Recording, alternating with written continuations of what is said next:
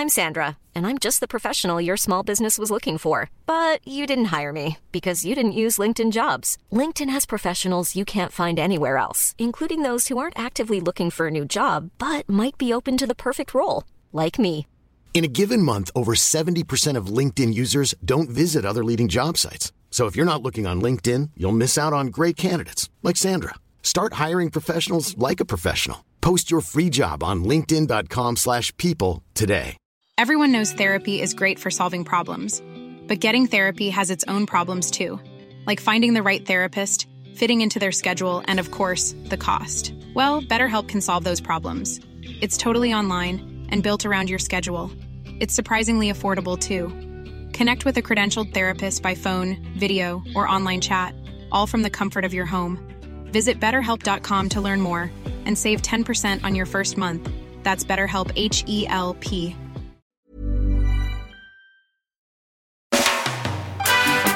Någonting som går framåt i alla fall. Han rullar, jag rullar. Ja. Vi är tillbaka.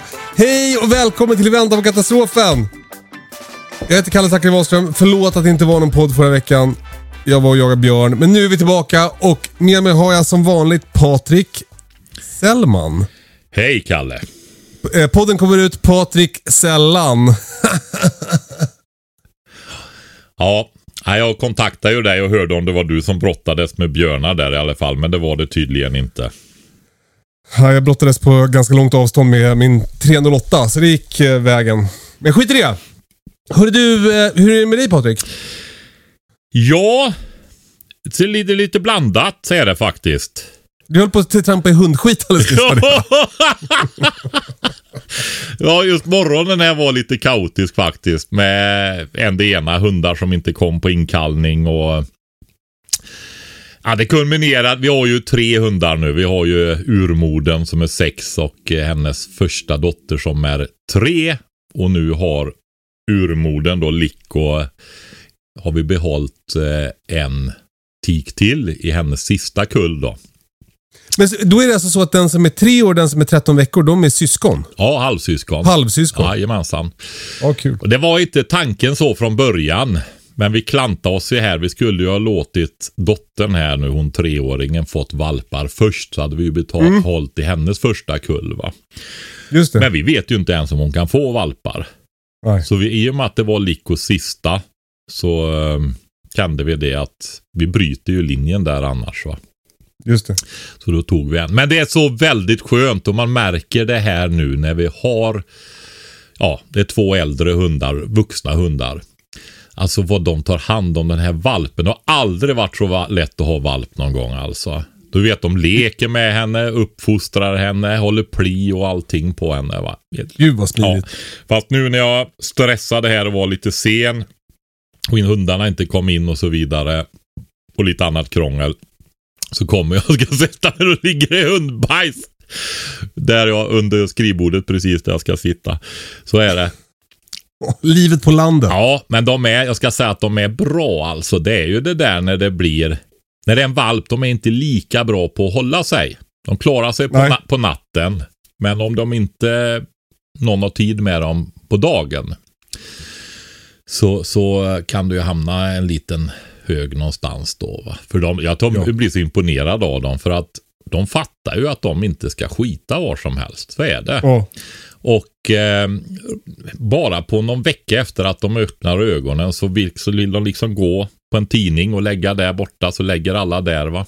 Och sen Ja. när man börjar ta ut dem så, eh, alltså när man vaknar på morgonen så lyfter man ut dem i valphagen. Då gör de ju behoven där ute och liksom det rullar på. Så Mm. de är ju nästan rumsrena, alltså nästan. Av sig Jag själv. tycker att det är svårt det där. Alltså, för mig var det mycket lättare att göra rumsrena hundar när jag bodde så att jag var tvungen att gå koppelpromenader hela tiden. Eh, För nu har jag hundgård precis utanför här, så jag stoppar ut dem där och går liksom en motionspromenad varje dag istället. Mm. Och, och det är lite, jag tycker det är lite svårare att få dem rumsrena. Det, är som, det sker fler olyckor här hemma sen, sen det blev mitt upplägg. Ja. Man har som lite sämre koll på deras toalettbestyr helt enkelt. Mm. Så är det. Du, eh, hade du slöjdkurs i helgen eller bara glad att se mig? Jag hade slöjdkurs. Vi hade ju... Alltså jag kände Du är ju... inte glad att se mig alltså? Jo. Jo, det är jag, Kalle. Men jag hade Ja, slöjdkurs i helgen och eh, Ja. du vet, man är ju rätt trött nu i slutet på säsongen. Sleten om man säger så. Alltså Mm. allmänt sleten. Och eh, efter det här, i fantastisk säsong. Men det, det är ju många människor, många möten och liksom du vet så här va. Mycket som ska göras och skötas och så också. Och eh, så hade jag tänkt att jag vill prova och glida över lite grann till det här med slöjd, hantverk, friluftsliv lite grann. Ja. Eh, jag har ju tänkt på det genom åren att det vore kul att ha bredda åt det hållet lite. Alltså, startat eget scouterna. Nej, ja, ja, det kan man säga. Fast för vuxna. Ja, ja, eller vuxna med lite äldre barn. Ja. Ungdomar kanske. Ja. Men då tänkte jag det att jag gör en eh, som inte blir jättekomplicerad att förbereda så här. Jag vet ju det, jag är ju inte första året jag håller kurser. Så då tänkte jag börja med färskslöjd det här. Bara att eh, lära sig hantera kniv och yxa, slipa dem, bryna dem och ja. grunder i tältteknik och så vidare. Så eh, Ja, det är nästan lika svårt att få vuxna att sluta med grillpinnetäljningstekniken som med barn, får jag säga. Men samtidigt, så är jag, eh, samtidigt som jag säger så då, eh, det är viss sanning i det faktiskt, så eh, måste jag säga att det var otroligt fantastiskt trevlig dag alltså. Du vet, det börjar ju med regn, det såg mörkt ut under veckan. Regna som bösen på natten alltså. Blå, Blåser. Mycket hårda vindar skulle jag säga att det var. Jag tror inte det var kuling men. Eh, och på morgonen upp, förbereda det sista.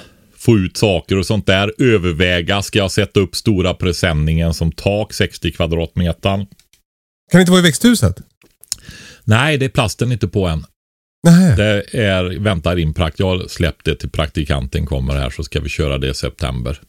Skönt. Den ska ju inte, det blir ju först nästa säsong. Det hade varit som lektionssal men i och med att det ska hyras och få ut jord och ja det är ett ganska stort projekt ändå även om själva växthusdelen är nästan färdig så. Nej men slöjden där i alla fall. Eh, regna och det fortsatte att regna på morgonen. Jag gick här ute vet du, i regnet och förberedde och bar ut grejer och så tittade jag, men de kommer ju inte när de brukar komma. Så kollar jag, men det, de skulle ju inte ha välkomstfika de här utan de skulle bara få en slät kopp koka, Jaha. kokkaffe på eldspisen. Ehm, och då kommer ju de först tio. Hmm. Och du vet, då hann ju solen börja titta fram. Det blåste ju lite grann men vi satt liksom lagom i lä där bland fruktträden och bärbuskarna och det här. Och det blev sådär bara underbar dag. Gud vad mysigt. Ja, det var det. Det var verkligen det. Och ehm, det kändes verkligen som eh, att man nådde fram just med det här eh, känslan för det här med slöjden och verktygen och underhålla dem och att arbeta i färskt material. Alltså de flesta har ju erfarenheter av sån här slöjd ifrån att de får en torr hård pinne i slöjden och så kommer raspen fram till slut va. ja. Typ, typ. Slipmaskin. Ja, lite så va. Så att man sitter och täljer i mjuk färsk björk istället då. Vad täljde ni för någonting? Vi, jag lägger ju in lite grundläggande design och att vi diskuterar det, vad man ska tänka på sådär. Så att jag tycker, när man har mycket nybörjare, att det är väldigt bra att börja. Det låter lite banalt, men att börja med en smörkniv. Mm. Just frågor kring hur gör man en riktigt bra smörkniv? Vad ska man tänka på? Och sen eh, är det så också just det här att få in grepp. Öva på greppen. Alltså olika sätt att hålla och jobba med kniven på ett säkert sätt. Och ehm, så kan man eh, eh, lära dig liksom hur ådringen i björken går också. Alltså fiber, fiberriktningar och sådär. Vilka håll du måste tälja åt och sånt där. Det är precis lagom att få in de här grundgrejerna. Så alltså smörkniv ska inte underskattas. Och dessutom, Man, man kan ju heller aldrig ha för många smörknivar. Nej, precis. Och eh, det är verkligen något som man använder också. Och eh, Ja är kul att göra själv. För att, istället för att sitta och sticka lite strumpor så täljer du lite smörknivar och så kan man ge sig på skedar. Vi började med sked. Han inte riktigt eh, med design och sånt där utan eh, jag fokuserade på att få med sliptekniker för det är samma som när jag har lie. Slå med lie, det är en sak liksom och det är bra att putta iväg dem åt rätt håll men när man skickar iväg en nybörjare så ska de kunna ställa in lien och hålla den vass. För då kan de fortsätta att slå hemma. Va? Kan du inte hålla lien vass, då, då blir det ingenting. Va? Ja. Det, det, är ju samma med knivar och yxor och sådana saker då. Och just det här hur slipfaser och sånt ska se ut för att man ska kunna jobba bra. Då. Man klyver ju inte, ja det gör man också, men väldigt lite. Det mesta man gör när man använder en yxa i slöjd, det är ju att du täljer med den. va. Och då får man tänka lite annorlunda än när man ska spräcka vedklabbar som de flesta gör eller fälla trä också för den delen. Lite, lite eh, smalare ägg. Exakt. Lite, eh, ja precis, mindre vinkel på äggen och eh, kanske, ja, därmed lite längre också. Eh. Du, eh, Patrik, jag blir så nyfiken. Vilka människor är det som kommer på slöjdkursen? Eh, det var roligt att det var en hel del kvinnor. Jag har saknat dem. Det har varit, varit kvinnor på småbrukarkursen i år, men det har varit typ tre stycken eller så. Va? Utav. Alla vet varför det kommer så mycket kvinnor hem till dig Patrik. alla vet. All, alla utom alla jag. förstår. Nej, jag tror att det är så här att eh, det är ett trevligt ämne och att det är många som vill pröva på det faktiskt. Också bland... Och så himla härlig eh, lärare också. Ja, jag tror att de eh, uppskattade mig också faktiskt. Det gjorde de. Jo, men eh, både mig och Ingmarie. Men eh, det är så här i alla fall att eh, nu kommer jag ju bort vad jag skulle säga. Ja, förlåt. Du frågade jag, jag... vem det är som går där. Ja. Eh, inga jätteäldre, någon som har varit där förut. Eh, och så har det varit på biodlingskurser med, att de vill komma tillbaka så går de fler kurser då. Ja. Eh, men annars, eh, ja det är jag som börjar bli äldre så jag säger hyfsat unga, men det var nog 45-åringar, 40-åringar. det där är konstigt. För mig, det där har jag faktiskt tänkt på. Jag blir ju också äldre, ja. tror det eller ej. Och jag, det här, liksom, precis när jag passerade 40, då har fotbollsspelare börjat se ut som barn. alltså tidigare så såg de ut som att de var typ så här, i min ålder, men nu ser de ut som barn. Unga män liksom så här, ja. ja.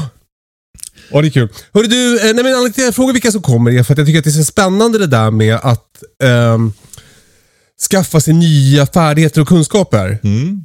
Att det känns som att det är så meningsfullt. Och en grej som jag håller på mycket med i det här med att jag skaffa gård och sånt där är ju att jag ville lära mig en massa nya saker. Jag låg och tänkte igår när jag skulle somna så tänkte jag så här. Vad är det som stoppar mig från att lära mig ett nytt språk?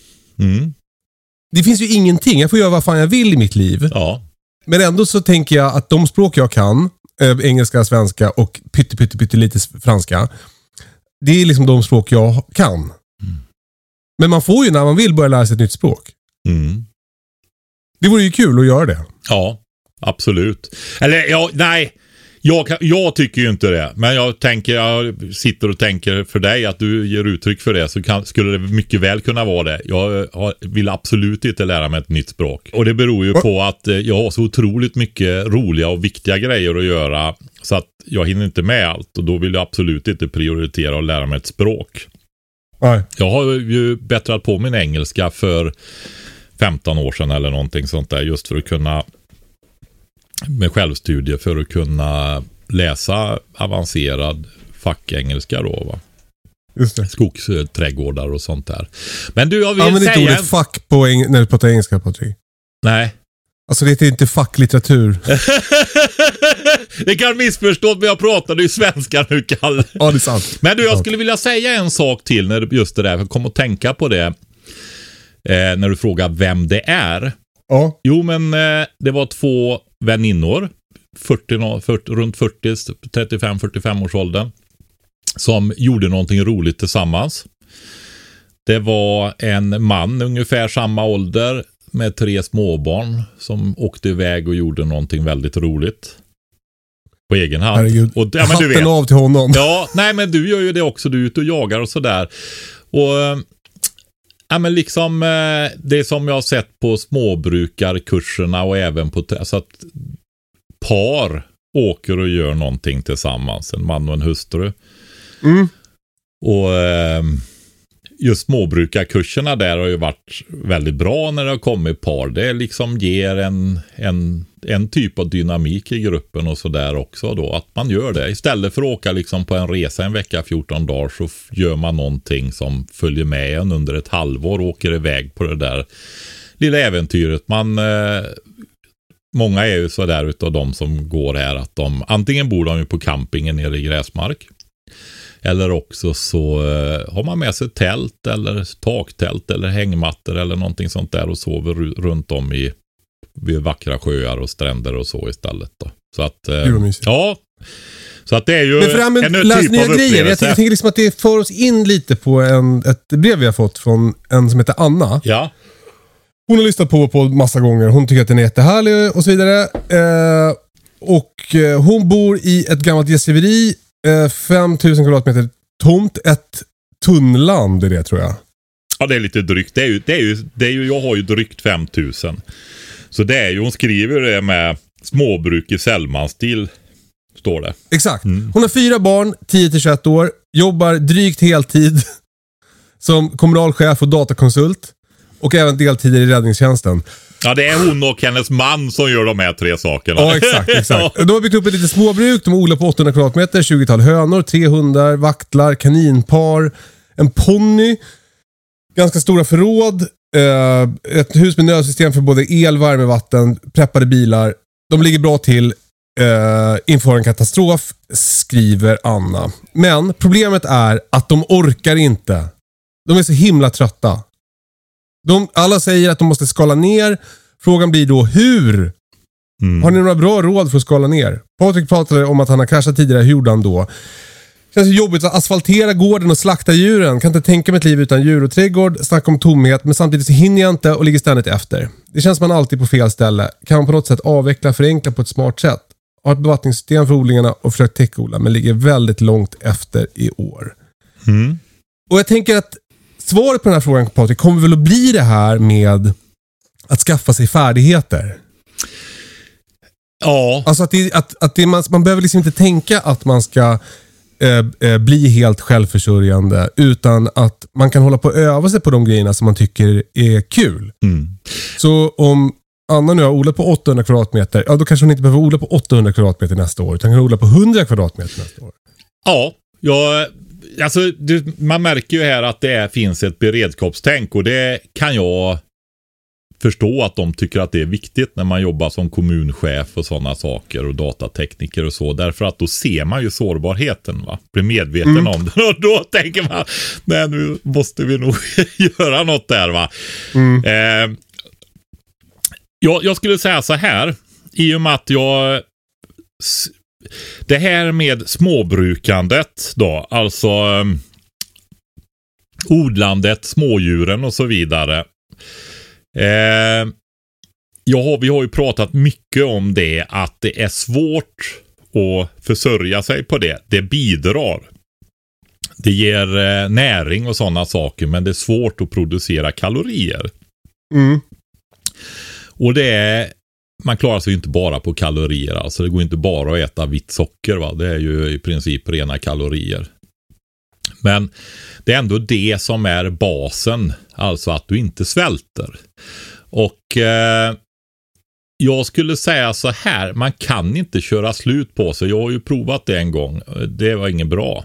Det är inte det. Det är verkligen ingen bra. Jag är ju, vad ska vi säga, eh, alltså jag det, nej, det blir ju ett eget avsnitt. Du kan inte, man får lyssna på det. det. Det är ju så. Men jag är ju med, inte återhämtat mig än efter 20 år helt och hållet. Va? Eh, så är det ju. Och... Man säger att det Eh, är permanent skada. ja. Eh, och det Jag är orolig nu att eh, jag har, eh, Kajsa, min katt, har lagt sig på mitt bröst när jag sitter här lite bakåtlutad. Så jag är rädd att hon hörs in i mikrofonen. men om hon gör det, det, så... det går bra än så länge. Ja, bra. Men, nej, men alltså när man, är man sträng och rätt tuff och hållbar så kan man driva sig väldigt långt och då går man sönder väldigt mycket om vi säger så. Ja. Eh, så är det. Och eh, gör inte det. Absolut inte. Eh, och tittar man, sätter man sig ner och hinner tänka efter och tycker det här är viktiga saker så är det så här att det är lager. Det, jag förmodar när de jobbar så mycket med de här yrkena att de är och bor där de bor att de är hyfsat ekonomiskt starka.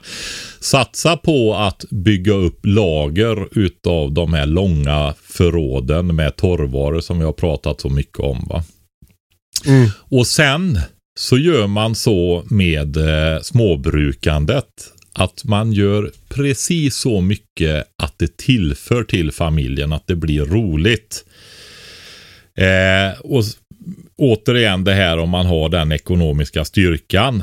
Hon skrev väl, jag tittade på detta också, det var jag som, den här är ju några veckor tillbaka, men jag tyckte det var läge att prata om den igen, för det kommer ju hela tiden och vi pratar ju om det här till och från det. Men har man ekonomin för det, vilket kan också vara, jag tänker på en kvinna som har skrivit förut också det här med att jobba kontra och sådär, att att det är en vits med att arbeta också för att kunna bygga infrastruktur, alltså bevattningssystem, växthus och så vidare och så vidare, redskap och sånt. Va? Skaffa det som du behöver för att göra det. Man måste ju inte skaffa, alltså ibland kan ju lägga det på ett sätt så att man kan skala upp om man vill ha den möjligheten. Så, ehm, så gör man så istället för man får inte ta knäcken på sig liksom. Det exemplet jag alltid tänker på är där du brukar säga till mig om morötter. Att det kostar 150 spänn att köpa 25 kilo Ja, morötter. det där återkommer du till. Ja, men det är ju så va. Och att det blir så himla eh, tydligt då att man behöver inte bli självförsörjande på morötter om man inte tycker att det är kul och har tid med det. Men däremot så kan det vara bra att kunna odla morötter. Ja, alltså morötter är ju väldigt speciellt. Älskar man morötter så är det ju ingen tvekan va. Men alltså det A-vitamin och sånt det kan du få via vintersquashar och eh, kål och sådana saker. Eh, som är mycket mer lättodlade. Och det innehåller inte jättemycket energi heller va. Det är lite, inte bland de värsta lyxgrödorna är det inte, men det är lite åt det hållet faktiskt. När man tittar på arbetsinsatsen då va. Mm. Så är det. Men för jag är lite i samma läge som Anna skulle man kunna säga. Jag har ju liksom spänt bågen otroligt hårt när jag flyttade ut till gården. Eh, har kört. Eh, och jag kan nu liksom tänka tillbaka på typ för två år sedan när det var så viktigt för mig. Jag skulle stycka alla djur själv och du vet, göra all korv själv och allt det där. Men jag har ju nu på något sätt börjat vandra tillbaka lite och leja bort mer grejer. För att jag känner så här, jag kan stycka, men jag behöver inte stycka. Och jag kan betala någon 20 kronor kilot för att stycka mina djur och så kommer det helt färdigpackat. Och så kan jag ha tid att typ ta hand om min familj och det jag har åtagit mig här hemma. åka ut och kampa med taktältet och bana vid en fin sjö och bada lite. Ja, men exakt. Och att, att det där, det finns liksom ingen självändamål i att göra allt själv hela tiden. Och jag tänker också sådär, som nu har jag haft kossor i två år. Vilket ju har varit en... Eh, eh, kossor är ju en väldigt mycket större arbetsinsats än till exempel får. För att de är så jävla stora. Äter så mycket, dricker så mycket, bajsar så mycket. Eh, så så jag, jag känner nog kanske att jag kommer nog inte ha kossor. Jag ska slakta dem strax nu. Eller jag kommer leja bort det också. Men, men då, då, då kommer jag inte skaffa kossor direkt. För att jag, jag typ vill känna lite hur livet känns när man inte har kossor igen. eh, och att Ja, men jag, tänker, jag känner liksom ett, ett lugn i att jag har provat att ha det. Så jag kan skaffa det. Och Nu kommer vi ha kött i två år.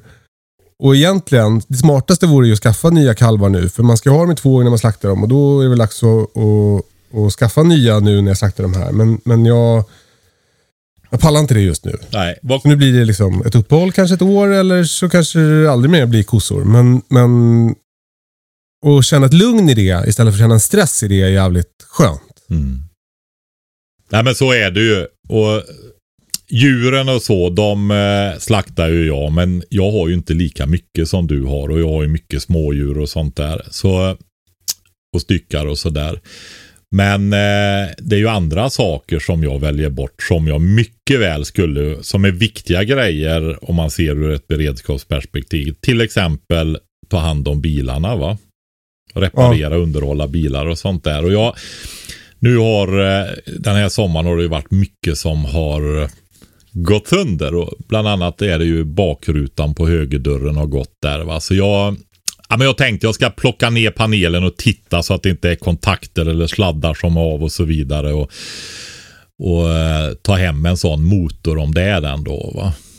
Mm. Men du vet att det blir ju aldrig tid va, utan det sitter så här plast. Ja, det gör det inte heller. Jag har haft så här att när det regnar så har jag hängt en kartong över och sen när jag köpt... Alltså den är, har den gått sönder nere alltså? Ja, i nedfällt läge. Jaha, ja. Det, det, är ju det det brukar göra. Va? Men liksom, ja. nej, nu får jag gå tillbaka till det och lägga bort detta med bilarna. Det går inte att hålla på så.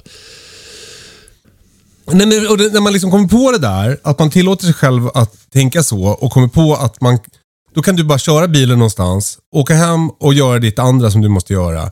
Och sen så är bilen plötsligt klar. Ja. Alltså grejen är ju så här också att det är ju en ung familj här, relativt ung familj, två kilometer längre in efter vägen som har en jättefin verkstad med en jätteduktig pappa och eh, mekaniker där va. Och eh, man vill ju egentligen sponsra dem med så det blir ju, eh, alltså, eh, jag menar alltså, så att de kan fortsätta hålla på. Sponsra ska jag inte säga utan man, han gör ju ett arbete och jag betalar men liksom att man ser till att skicka dit jobb va. Just det. Så att de kan göra det. Och, ja. Så det är ju en, ytterligare en motivering för tänk vad bra att ha en man där borta och en verkstad som är igång. Ja. Hur värdefullt som helst när man bor ute i glesbygden. ja. ja, men verkligen. Ja. Men, men ska vi liksom försöka konkretisera några tips till Anna? Gör er av med ponnyn. Det är mitt första tips. Ja, eh, de har ju barn också vad jag förstår så det kan ju vara prioritera ponnyn med. Det får man ju avgöra i sin egen kontext och dra ner ännu mer på allt annat. Men eh, eh, jag tyckte vi sa det, just det här att eh, beredskapen som jag tolkar är väldigt viktig här då. Eh, med bilar och allt sådär. Mm. Eh, se till Eh, om man drar beredskapen parallellt över ifrån småbrukandet då så handlar ju det om att producera livsmedel i väldigt stor utsträckning. Även om det också handlar om det här att bygga och hantverk och tillverka och laga och hela bredden där, inklusive bilen då egentligen som jag har valt bort. Så, så eh, för att ta det här med den allvarliga svälten då, om man vill det, om man bedömer det. Alltså håller man på med småbruk så tänker man att det kan bli problem med livsmedelsförsörjningen. För det är så långa perspektiv där va. Annars så behöver du bara ha ett litet förstärkt matlager för en vecka, två veckor, en månad eller så va. Köp större lager utav torrvaror och lägg det som en bas och ha en beredskap och utveckla småbrukandets infrastruktur och så vidare. Men gräv inte ner så mycket arbete i och rensa de där morötterna och alltihopa det där utan kör den biten för att lära dig, ler, underhålla, ha roligt tillsammans. Alltså det är ju någonting som är väldigt roligt och givande men gör man det för mycket så blir det ju Nej men det blir skit, kan bli skitjobbigt då. Speciellt om man inte kan släppa det. Va? Alltså, det blir ju bara jättemisslyckanden, frustration. Ja.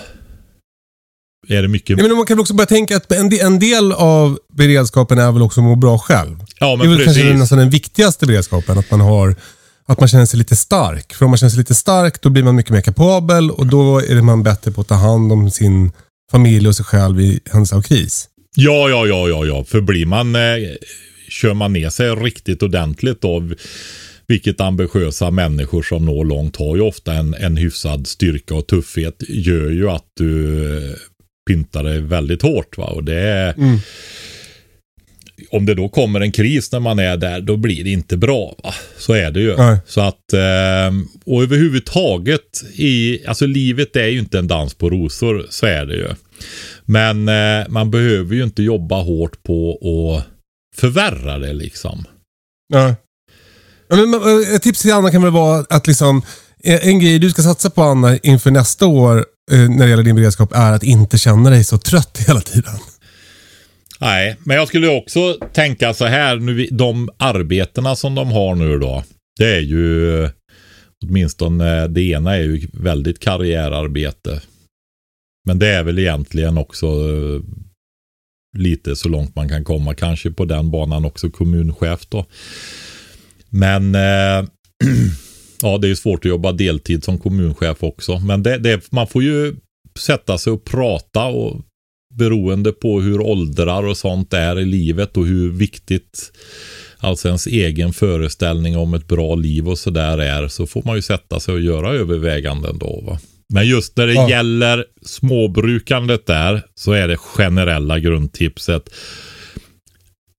Ha roligt med det, glädje, inte prestationskrav som aldrig, och du vet alltihopa det här. Va? För att hur det än är när du kommer ner på det här manuella vi ska använda ordet självhushållandet på vissa områden och så vidare så blir det väldigt dyrt om man tittar på det. Alltså mycket arbete och så vidare. Det är viktiga kunskaper som tusan om de skulle behövas. Alltså de här basala kunskaperna som de som inte vet så mycket om det tror är så enkelt och det är det verkligen inte. va.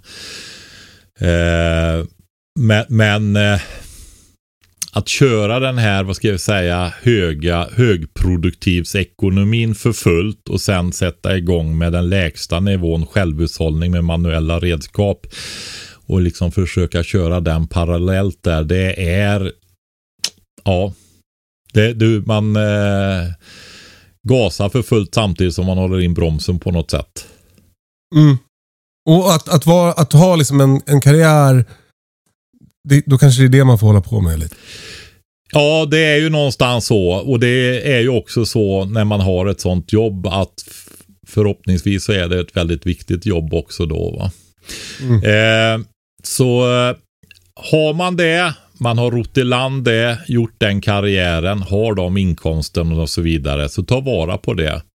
Mm. Eh, och sen kör man det andra mer på hobbynivå och beredskapen får bli att lära sig saker och bygga upp förråd då utav de här basgrejerna då va? och infrastruktur som man då troligtvis har råd med också. Så skulle jag vilja säga. Nu blir det mycket om det och lite upprepning med känner jag.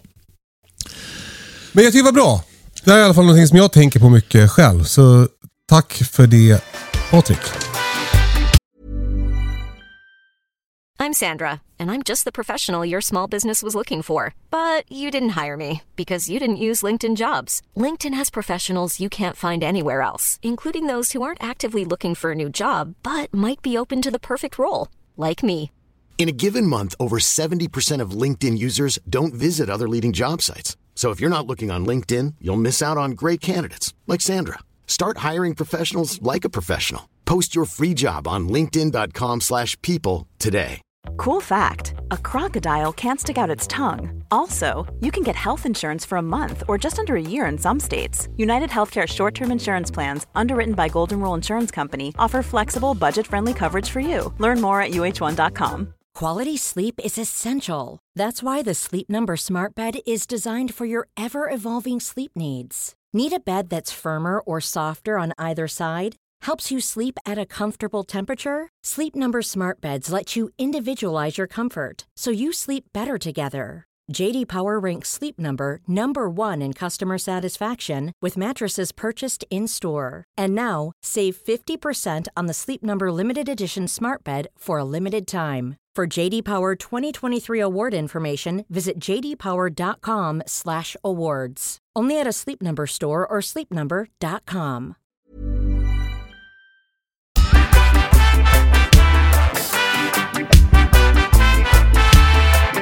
Nästa fråga kommer från Lydia. Hon eh, har gått din eh, slöjdkurs tydligen. Ja, hon var här i helgen. Vad bra att du ja, tog kul. den, för det hade jag sagt att vi skulle göra. Hon undrar, hur bygger man den där perfekta, lätta kaninburen så att den håller? Mm. Hon såg ju den. Ja, No. Har du gjort det?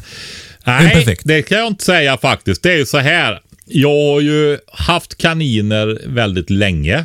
Jag började Mm. ju med Patriks kaninavel när jag var 12 år och gjorde ett litet företag på låtsas då, men jag hade bokföring och sånt så jag fick lära, min pappa lärde mig det. Och eh, det här med betesburar. Nu, du har väl hört det här med gräsbeteskött och så vidare. Mm.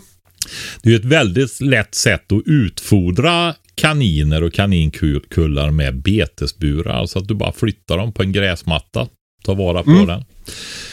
Eh, och sen eh, blir det väldigt bra kvalitet på köttet också. Alltså när de äter det de ska äta. Just det. Färskt gräs och frukt och bark och sånt som man utfodrar dem extra då. Eh, men då har man ju hållit på med olika mer eller mindre misslyckade projekt med betesburar då va. Alltså jag gjorde för några år sedan väldigt lättvikts träkonstruktion men alltså det drog iväg ändå med väderskydd och sådana grejer på då. Och så har jag legat liksom du vet så här när man går och lägger sig eller vaknar tidigt och så så ligger man ju och ritar upp grejer och konstruerar saker i huvudet. Det gör du också va? Ja, ja. Gör du det? ja, kanske inte på detaljnivå, men absolut. Jag tänker konceptuellt. Ja, men ja, konceptuellt, mycket konceptuellt. Men sen börjar man ju efterhand fundera på konstruktioner också, sådär hur man ska göra. Man bygger liksom hönshuset i huvudet lite och så va. Eh, och jag har ju haft idéer och så när vi har småbrukarkurserna så har vi så att när matlaget går iväg och lagar mat över öppen eld med Ingmarie så kör vi en timme, för det handlar om en timme då, allmänna småbrukarsysslor. Och det kan vara liksom allt möjligt att pröva på. Sätta upp stängsel, eh, köra jordfräs, alltså den stora har någon gjort någon gång. Eh, men så var det några då som jag tar så här, vi ska bygga, för jag har skriande behov av burar då. Va? Eh, bygga en sån här bur och så hämtar jag de här näten och det som jag hade då. För den här ska vara bara i svetsad eh, nät då. Va? Och det är ju en sån med, vad är det, två millimeters tråd ungefär. Och jag Ja. har ju provat olika storlekar. Jag har haft lite grövre, alltså 50-100 millimeter som botten. Men det blir för stort. Tassar och sånt åker igenom när man ska flytta och kaninungar trillar igenom. Och, ja, det är, nej, det är för stort va. Eh, men i alla fall, då berättade jag lite om mina idéer och så var det en väldigt duktig kille som heter Björn med där som har jobbat i plåt och nej, men allmänt hände. Han är maskinist, alltså grävmaskinsförare och sånt där. Man jobbar mycket med bilar och så också då. Och eh, han börjar, när man börjar jobba med det då, den första prototypen liksom, så kommer man ju på saker och sånt där då.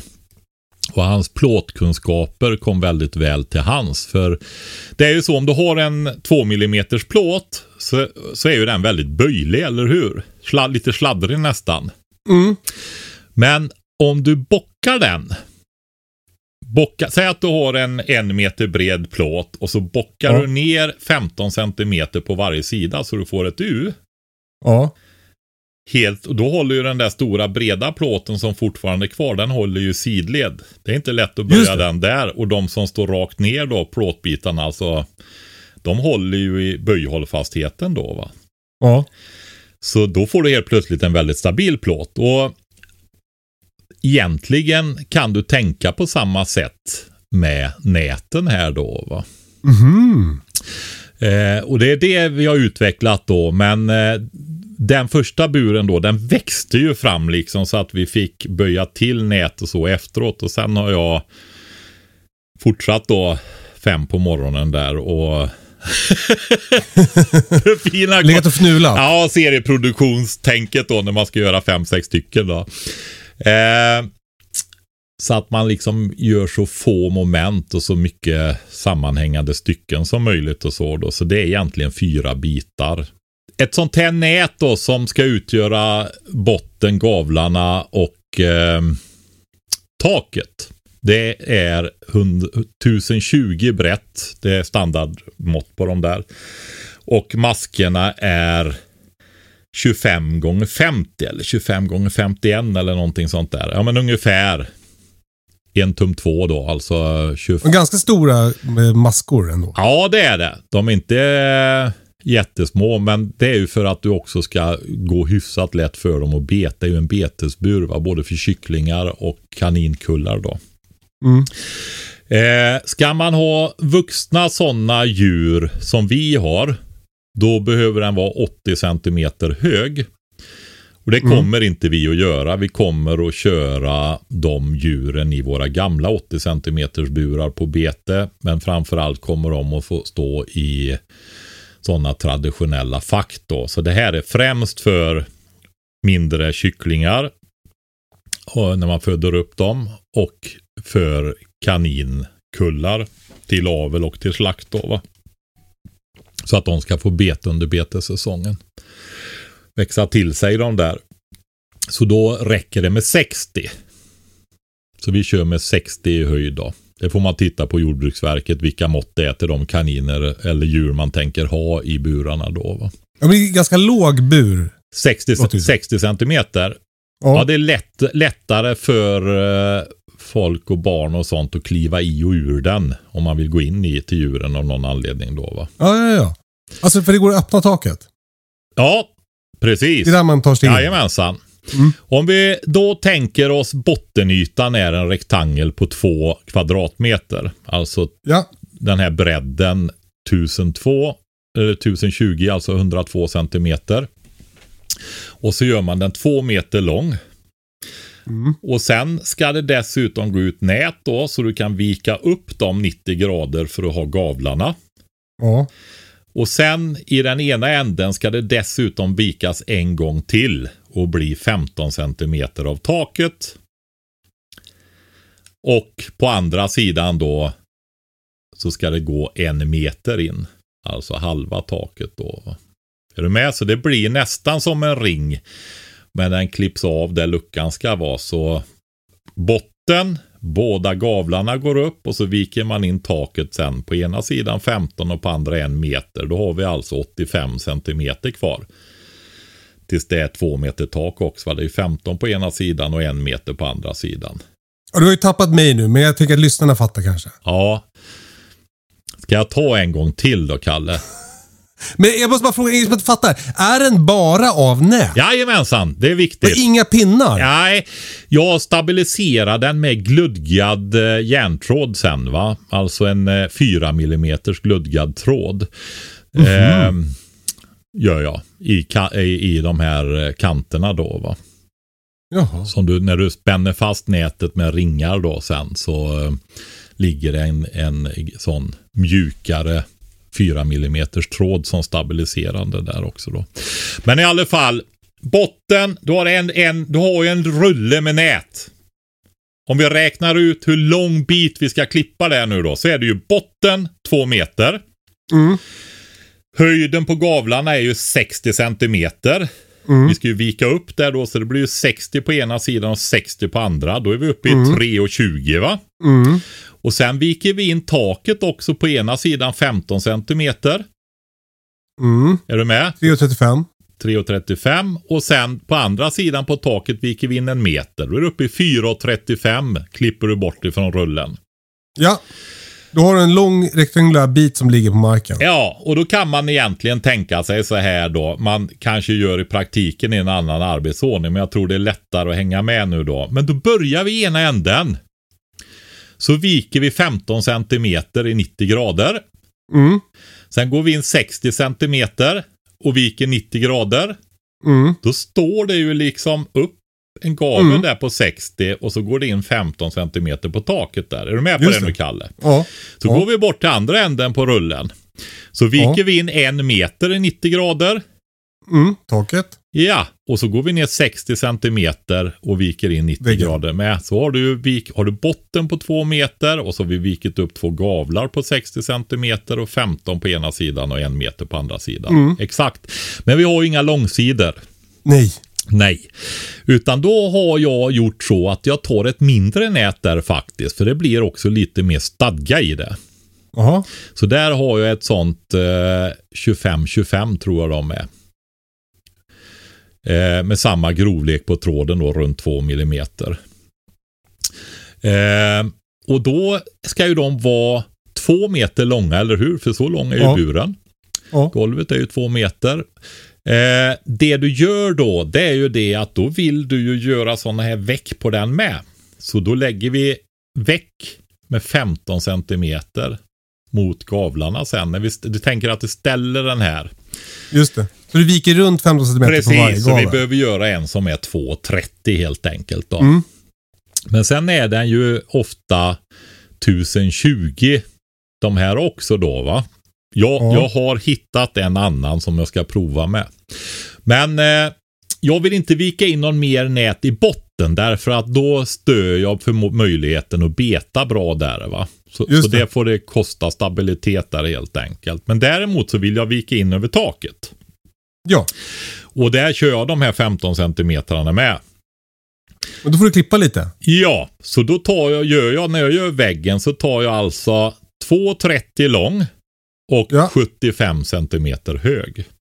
Ja, Och då får jag klippa bort små fyrkanter längst i hörnorna där så jag kan vika in 15 centimeter mot kavlarna. det är som att slå in ett stort paket lite där. Ja, men precis. Och så viker jag ner 15 centimeter på taket. Och då får jag ju liksom ett hål där när jag har najat ihop alltihopa det här va. Ja, finns speciella clips och tänger till det där. Om man inte vill köra med night-tråd då. Jag rekommenderar de clipsen. Det är inte jättedyrt när man ändå gör så här fina rejäla burar. För de här är ju gjorda för att hålla i 10-20 år va. Det, är- det är Ja. inga billiga, superbilliga burar i hönsnät om man säger så. Utan de är ju, Nej. skyddar ju mot rovdjur och allting och håller och, och så vidare. Och är galvade och riktigt. Ja, ja för de här trådarna, är, alltså de här näten är lite dyrare eftersom de är så tjocka och svetsade och så. Exakt, exakt. Eh, men då har vi ju nu då, om vi tittar uppifrån, så har vi ju ett tak där. Vi har vikit in en meter från ena hållet, 15 centimeter från andra hållet och på långsidan har vi vikit in 15. Så vi har ju ett hål där. Ja, Eh, där gör man helt enkelt så att man gör en lucka där. Utav nät. Och så lägger du den här gludgade 4 mm tråden runt då som en förstärkningsram runt den luckan. Så kan du bara öppna där och gå in. jaha. Men det finns inga regnskydd då i och med att det är nät alltihopa. Och jag är ju ute efter den lätta konstruktionen nu då. Eh, jag har ju byggt min ställe själv, har ingen gammal laggård, men jag har jäkligt mycket presenningar. så är det. Och de... Alltså det har blivit så, jag hade sådana här riktigt gamla rejäla presenningar från förr. Alltså du vet de här tunga, tunga presenningar som knappt går att hantera. Just det, som är lite mer som så här eh, Ja, lastbilsflak. Precis, och det ligger faktiskt kvar på en del av de äldsta virkeshögarna där det ligger timmer, ja sådär va. Eh, men alltså, de håller ju inte hur många decennier som helst de där heller om de ligger ute. Så jag, och jag tycker de är så dyra så det går inte att köpa. Så jag köper ju bättre modell av så kallade Japan lättviktspresenningarna då. Va? Lite, de lite grövre utav dem. Men de håller inte speciellt bra heller. Och när de då blåser sönder så blåser ju inte hela sönder oftast. Utan det blir bitar utav presenningarna som faktiskt är väldigt intakta. Och då kommer jag alltså att sy som typ ett vindskydd utav dem. Och eh, i den här delen, om vi går tillbaka till buren där vi har vikt upp taket en meter då. Vi har ju luckan på den andra halvan av taket. Är du med på det? Mm. Mm. Där eh, kommer jag att ta ett stycke då. Från ena långsidan ner, 60 centimeter upp. En meter brett är det då, så det ska täcka den här ytan. va. Eh, där.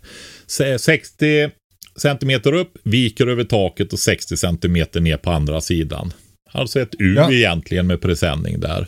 Och sen kommer jag att göra en, ett stycke för gaven där bak då. Så jag får tre sidor och ett tak. Men bara utav två bitar då. Va?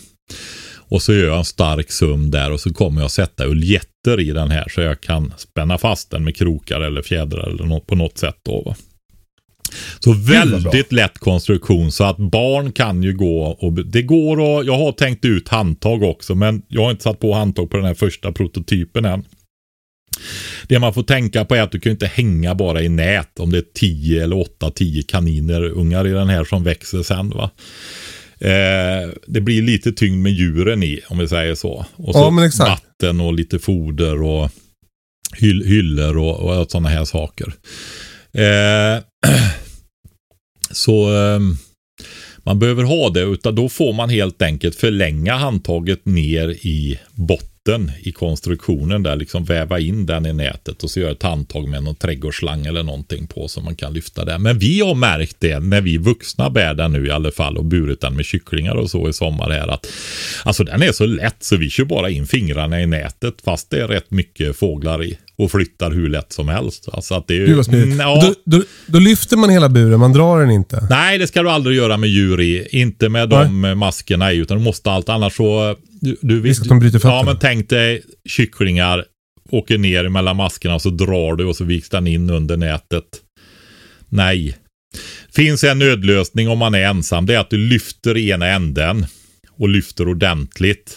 Så den bara står på gaveln längst bort. Och vrider. Och vrider ett flytt i sidled och byter gavel och gör åt andra hållet. Men det bästa är om man är två faktiskt. Du får fråga, hur gör du med fodervatten då? Hur, vad, vad, hur presenterar du det? Eh, det har vi. Eh, Ja, foder har de ju, det är ju gräset. ja, men du, är det kaniner vill du gärna ha lite hö i en liten höhäck och då finns det billiga att köpa i nät. Annars kan du ju göra själv i nät med. Ja. Eh, Som en liten brevlåda med... ja, och då får den ju bara sitta på väggen inne under, under där under eh. Precis, precis. Och sen eh, foder, samma sak där. Där har vi köpt enkla plast... Eh, eller vi har två grejer. Jag har en där jag har klippt upp hål i nätet. Eh, där den sitter på utsidan och lyfter på ett lock och fyller i foder så du kan ha stora mängder med fri tillgång på foder till djur som ska växa. Mm. Till exempel om du vill det också då. Inte helt nöjd med den konstruktionen. eh, Men så vi har gått över till sådana här superenkla f- foderburkar helt plastkoppar. enkelt. Ja, plastkoppar helt enkelt som vi... Alltså man sätter på nätet va? Ja, du har Ja. två krokar på som du viker åt sidan så sitter den där sen och så kan du lägga pellets eller vete eller något i den där.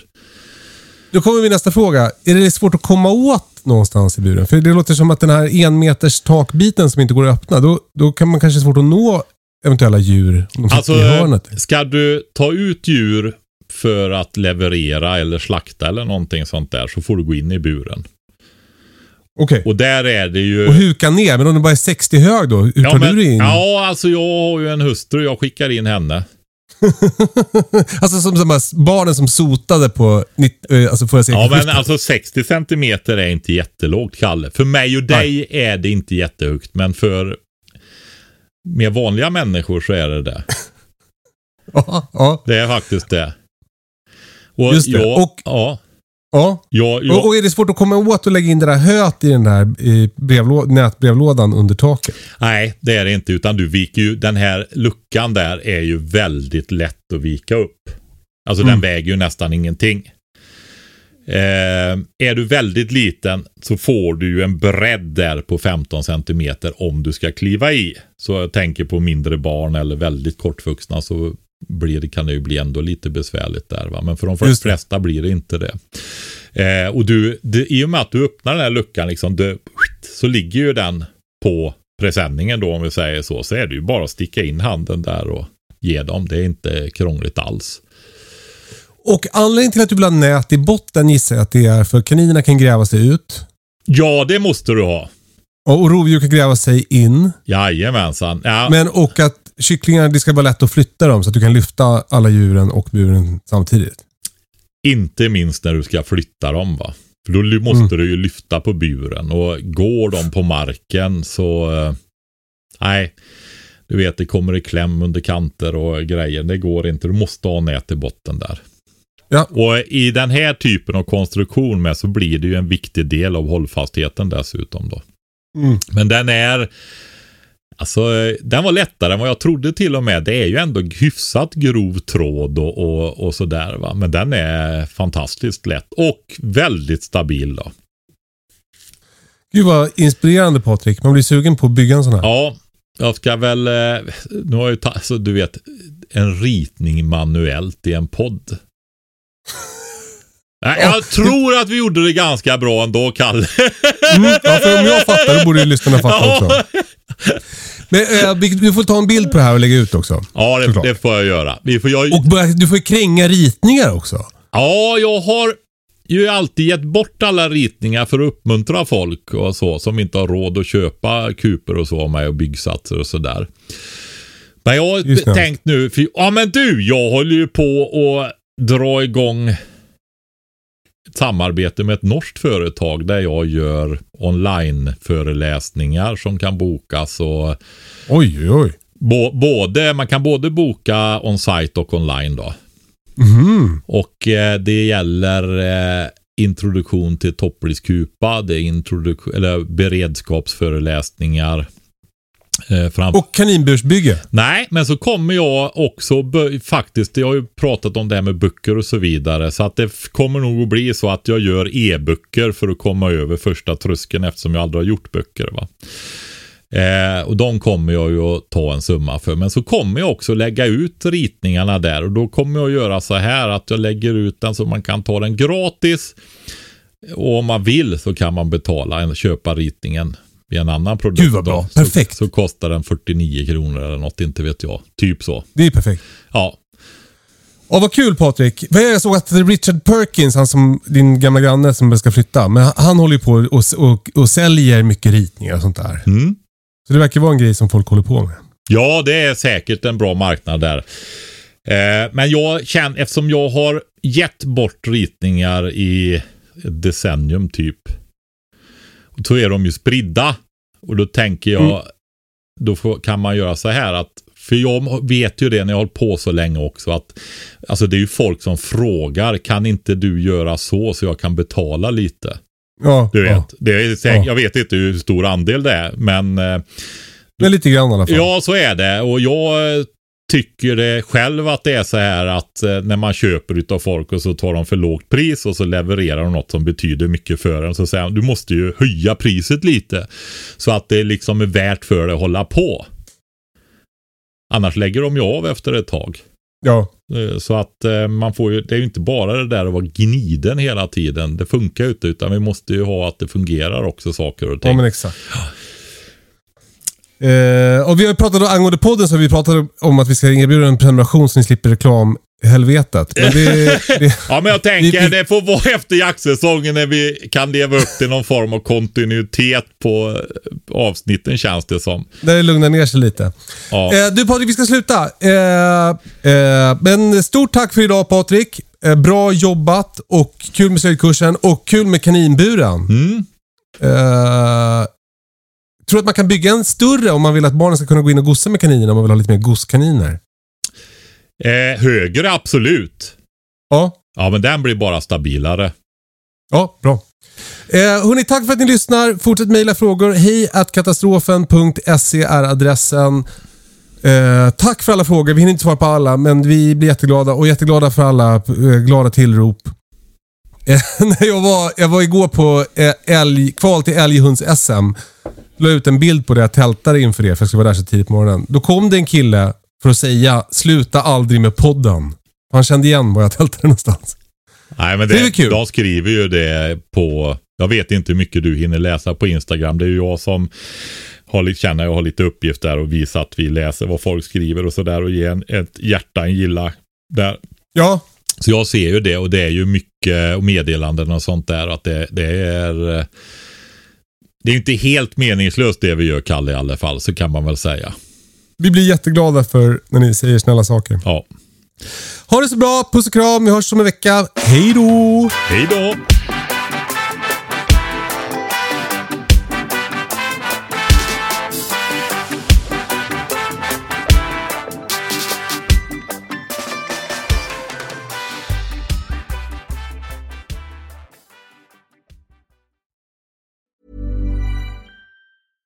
Even when we're on a budget, we still deserve nice things. Quince is a place to scoop up stunning high-end goods for 50 to 80% less than similar brands. They have buttery soft cashmere sweaters starting at $50, luxurious Italian leather bags, and so much more. Plus, Quince only works with factories that use safe, ethical, and responsible manufacturing. Get the high-end goods you'll love without the high price tag with Quince. Go to quince.com/style for free shipping and 365-day returns. Mom deserves the best, and there's no better place to shop for Mother's Day than Whole Foods Market. They're your destination for unbeatable savings, from premium gifts to show-stopping flowers and irresistible desserts. Start by saving 33% with Prime on all body care and candles. Then get a 15-stem bunch of tulips for just $9.99 each with Prime. Round out Mom's menu with festive rosé, irresistible berry chantilly cake, and more special treats. Come celebrate Mother's Day at Whole Foods Market.